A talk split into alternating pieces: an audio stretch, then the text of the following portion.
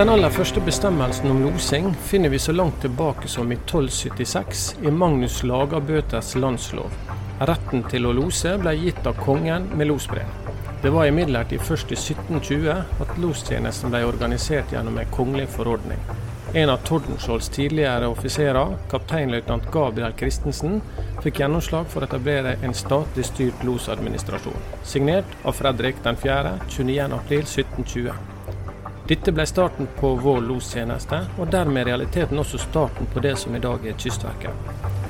Det er 300 års historie som er bakteppet for dagens utgave av Kystpodden, en podkast levert av Kystverket. Gjester er Espen Frøysland, som direktør for Kystverkmuseet og prosjektleder for Los 300, og losdirektør Erik Freberg Blom. Mitt navn er Pål Are Lilleheim. Det er altså et svært gammelt og tradisjonsrikt yrke som eh, vi skal høre mer om. Men aller først, losdirektør Erik Blom. Hva er egentlig en los, og hva gjør de? Los som begrep eh, det har lang tradisjon, men betyr vel, hvis vi skal prøve å oversette, en veiviser som rettleder skip i ukjente farvann. Han er, eh, han er lokalkjent da, i sitt område, i et begrenset område og der blir han sertifisert. Eh, losen har som oppgave, og den er nesten uforandret fra, fra lang tid tilbake, den sier at losen skal veilede skipsføreren, eller den som fører kommandoen i skipsførerens sted, slik at navigeringen og manøvreringen på fartøyet skjer på en sikker måte for å verne miljøet. Eh, få fram eh, skipet trygt og godt. I tillegg så skal vi også løse Forsvarets oppgaver. I praksis betyr det at losen kommer om bord og veileder kapteinen i skipets navigering og manøvrering. Litt sånn alt etter standarden på skip og mannskap, så håndterer losen hele spekteret fra ja, si, ren veiledning av kapteinen til å ha full kontroll over skipet. Dette er noe som avtales mellom skipets kaptein og losen fra gang til gang når han eller hun kommer om bord. Så normalt sett eh, så kommer losen ut med losbåten, entrer eller klatrer opp det vi kaller for losleideren, hilser på kaptein, får forklart litt om skipets eh, manøveregenskaper osv. fra kapteinen. Losen informerer kapteinen om ruta de skal seile, eh, strøm, vind og kaiforhold der de skal til kai. Eh, og Norge er jo en sjøfartsnasjon, og sjøveien er i tillegg en svært viktig transportåre for Norge. Så det er vel ingen underdrivelse å si at losen er viktig for landet? Nei, det er det jo ikke. Altså, eh, Losen har to oppgaver, eh, eller flere oppgaver egentlig, som er sammenfallende. Eh, vi skal jo trygge eh, sjøvertstransport, og derigjennom trygge miljøet. Så det er den ene oppgaven de har. I tillegg skal de assistere skipet med å finne veien dit de skal. Så lostjenesten gjennomfører ca. 40 000 losoppdrag per år. Det er en viktig bidragsyter for at skip skal eh, seile trygt langs vår utfordrende kyst, for den er jo utfordrende. Eh, vi har et variert kystlandskap, og noen oppdrag er nok mer utfordrende enn andre. Vi har eh, veldig gode eksempler på at hjørnestensbedrifter lokalt kan forbli nettopp lokalt, fordi vi kan tilby lostjenester i et farvann som det i utgangspunktet ikke lar seg benytte uten grundig lokalkunnskap.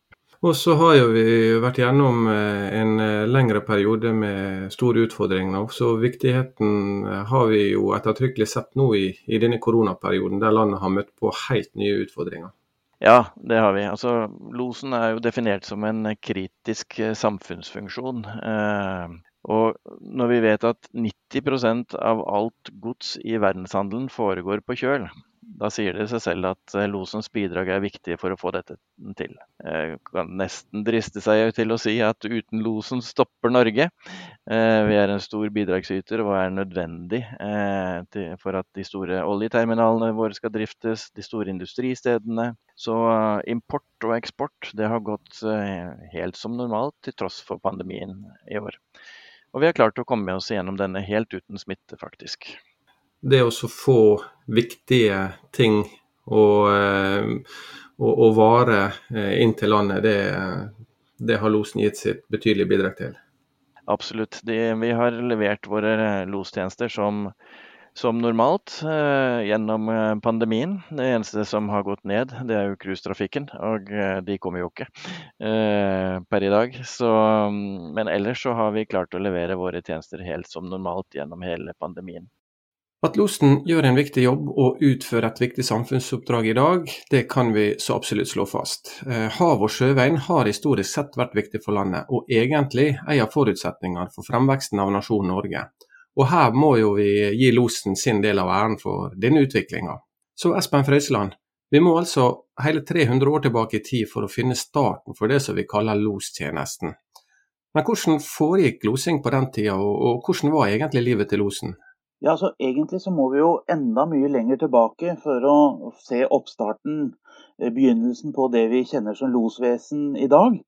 Eh, helt tilbake på 1200-tallet så kjenner vi regler for, for, eh, losing. Men det er altså 300 år siden at staten tok et formelt ansvar og, og fikk organisert losvesenet sånn som vi kjenner det. Og det er jo 1700-tallet. Det er klart det var tøffe forhold å være, være los.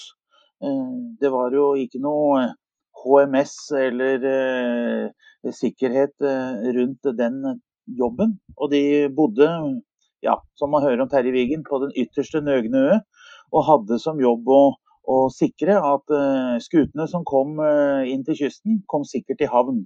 Og det var jo ikke mest bruk for dem når det var finvær og sol. Det var jo i storm og, og vinterstid at det virkelig var behov for losen. Så det var en tøff jobb. Eh, kan du si litt eh, om eh, bakgrunnen for at losing var så viktig?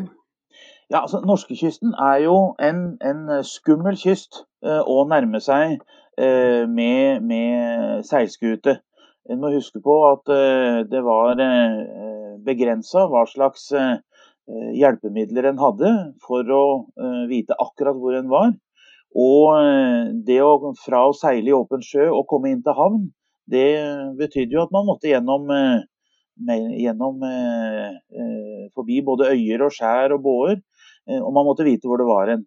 Vi har jo en tøff historie fra, fra Sørlandet, uthavna Mærdø, hvor, hvor, Søren Hansen Nabben, som var los en dag i, i 1791, i, seint på høsten, oppdaga at det kom et skip inn Eh, og Det viste seg å være fregatten Gernet, som var dansk-norsk, og med Løvenørn, som var eh, kaptein om bord. Og Løvenørn hadde ikke anelse om hvor han var, så han seilte mot kysten i dette elendige været i forsøk på å nå land.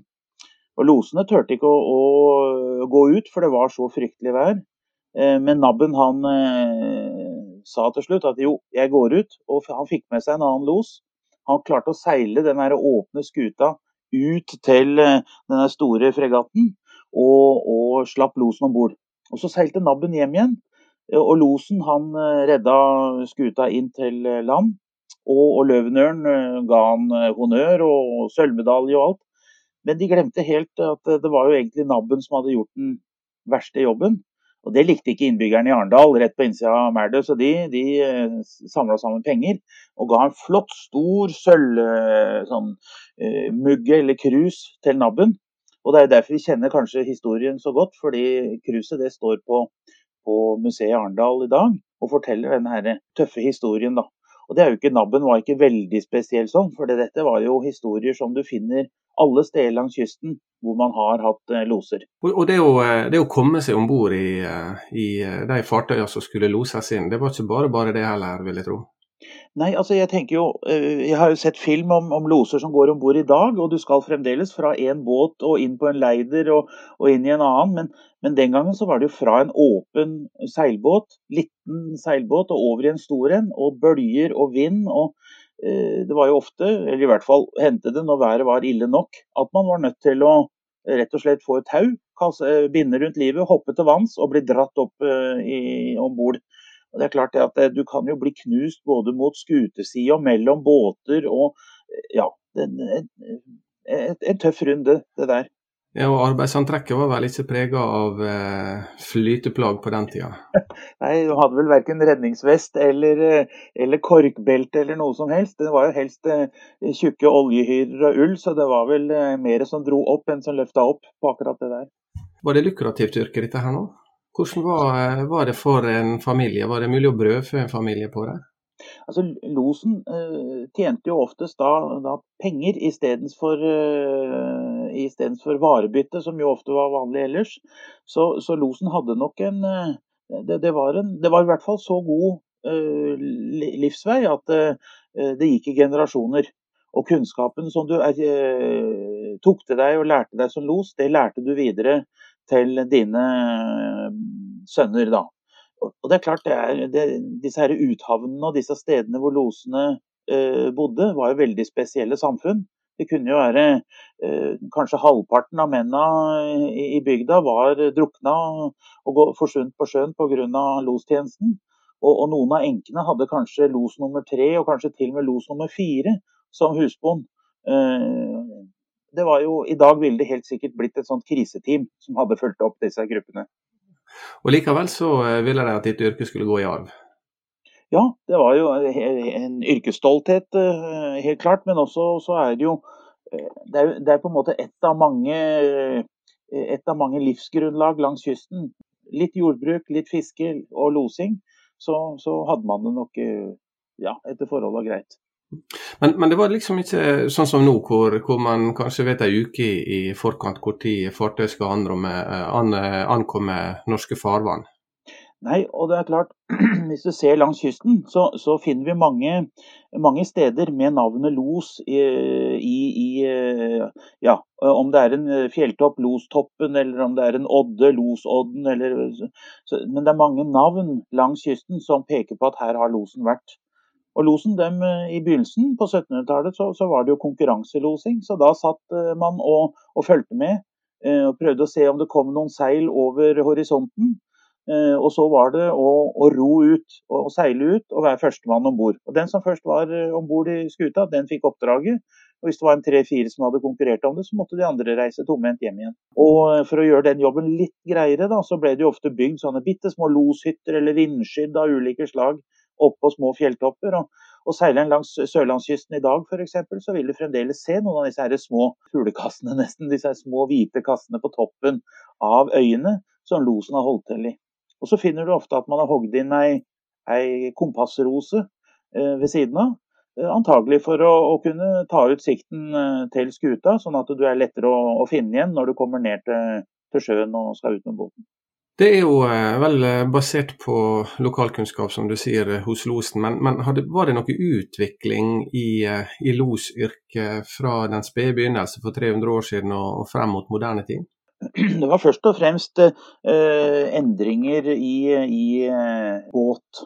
Altså det her med, med fra den lille åpne eh, losbåten, så, så ble det innført etter hvert losbåter med dekk og de tålte jo mye mer eh, sjø. Eh, og da gikk eh, De var mye dyrere, så, så, det var motstand mot dem til å begynne med. Men man så jo det at losene overlevde mye mer uvær.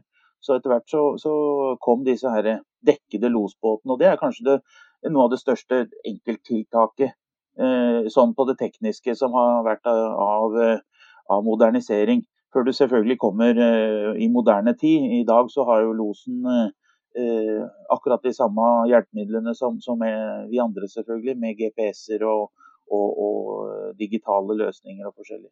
Eh, men Espen, du er jo også prosjektleder for det som heter LOS 300, altså eh, markeringa for LOS-jubileet. Den markeringa skulle jo vært i fjor, men ble utsatt eh, til i år pga. koronasituasjonen. Hva er planene for denne markeringa? Vi er jo veldig glad for at nå nå, nå ser, ser, Norge og verden sånn ut at vi mener vi kan klare å, å gjennomføre. Og eh, vi bruker museumsskipet vårt, Gamle Oksøy, som utgangspunkt. Og kommer til å ha arrangement langs hele kysten eh, sammen med kystlag og kommuner og museer. Eh, og med Kystverket. Vi kommer til å starte hele moroa den 29. Eh, mai i, i Vardø. Og seile fra Vardø og ned til Bergen tar litt sommerferie og begynner igjen i Halden og seiler til Bergen. Så, Så vi kommer helt sikkert til en, det sier, en havn nær deg. Vi har med oss utstilling, film, foredrag. Vi jobber godt sammen med de lokale arrangørene i forhold til å finne de lokale loshistoriene. Og de er jo hele veien. Jeg synes Hver gang en prater med noen langs kysten og begynner å prate los, så får du høre at jo, her hadde vi, her hadde vi los. Og det, det, er jo, det, er jo, den her lokale helten som, som, er ute i det verste været og redder andre. Så det er jo en, det er jo en takknemlig jobb å skulle hedre losen og loshistorien. For det er fascinerende historie? Ja, det er jo, det, det er jo uh, små sånne heltehistorier langs hele kysten og opp gjennom på hele historien. Og det er, det er um, ikke noe grunn til å ikke kunne slå seg litt på brøstet i, i uh, loshavner og andre. For det er gjort en, en, veldig viktig jobb for at Norge skulle kunne eh, ha, være den sjøfartsnasjonen som vi faktisk har vært. Arbeidsvilkårene og tjenesten har naturlig nok utvikla seg siden begynnelsen for mer enn 300 år siden. Eh, så Erik, eh, hvordan er lostjenesten i dag? Hva er den største forskjellen egentlig eh, fra før og nå? Vel, Som dere nettopp har hørt Espen fortelle om, så var jo losen i tidligere tider én sjel og en skjorte. Der hver mann var sin, sin egen lykkes med. Og det var med livet som innsats konkurranse om å få oppdragene. Nå er de statstjenestemenn med svært regulerte forhold og mye tryggere forhold å komme seg om bord på de enkelte skip. Vi har jo både losbåter og helikopter til å få losen om bord på i dag. Det hadde man ikke i gamle dager, men, eh, men eh, det har absolutt blitt mye tryggere eh, for losen per i dag. Vi leverer, som jeg tidligere sagt, ca. 40 000 losoppdrag med våre 280 loser. Det er et tall som har bestått relativt lenge. Vi er inne i en generasjonsskifte nå, men, men det er de, det antallet los vi har da, for å Eh, forholde oss til eh, rammebetingelsene av i dag, som er bestemt av Stortinget gjennom lov og forskrift. Av disse losene så har vi fem kvinner, så det er jo et relativt eh, mannsdominert yrke. Trafikken er, den er spredt rundt utover hele året. Noen mindre variasjoner har vi.